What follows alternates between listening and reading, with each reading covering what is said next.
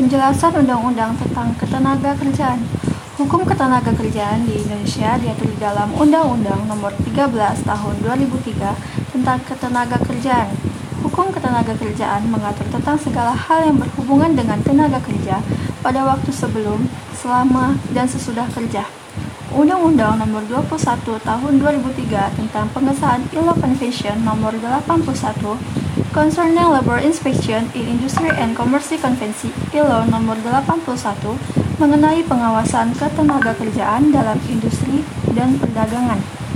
Kedua, pasal tentang sanksi pelanggaran dalam undang-undang yang berlaku.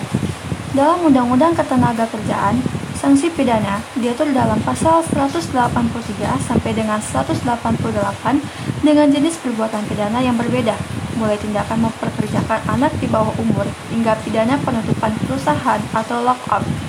Pasal 189 Undang-Undang Ketenagakerjaan menegaskan sanksi pidana penjara, kurungan, dan atau denda tidak menghilangkan kewajiban pengusaha membayar hak-hak dan atau digantikan kerugian kepada tenaga kerja atau pekerja. Dilansir dari artikel kompasiana.com, PT Tolutuk Mariando Pratama atau disebut juga PT TMP, perusahaan pengolahan ikan beku yang berlokasi di Desa Inobonpol 2, Kenyapatan Bolang, melakukan pelanggaran terhadap Undang-Undang Ketenagakerjaan.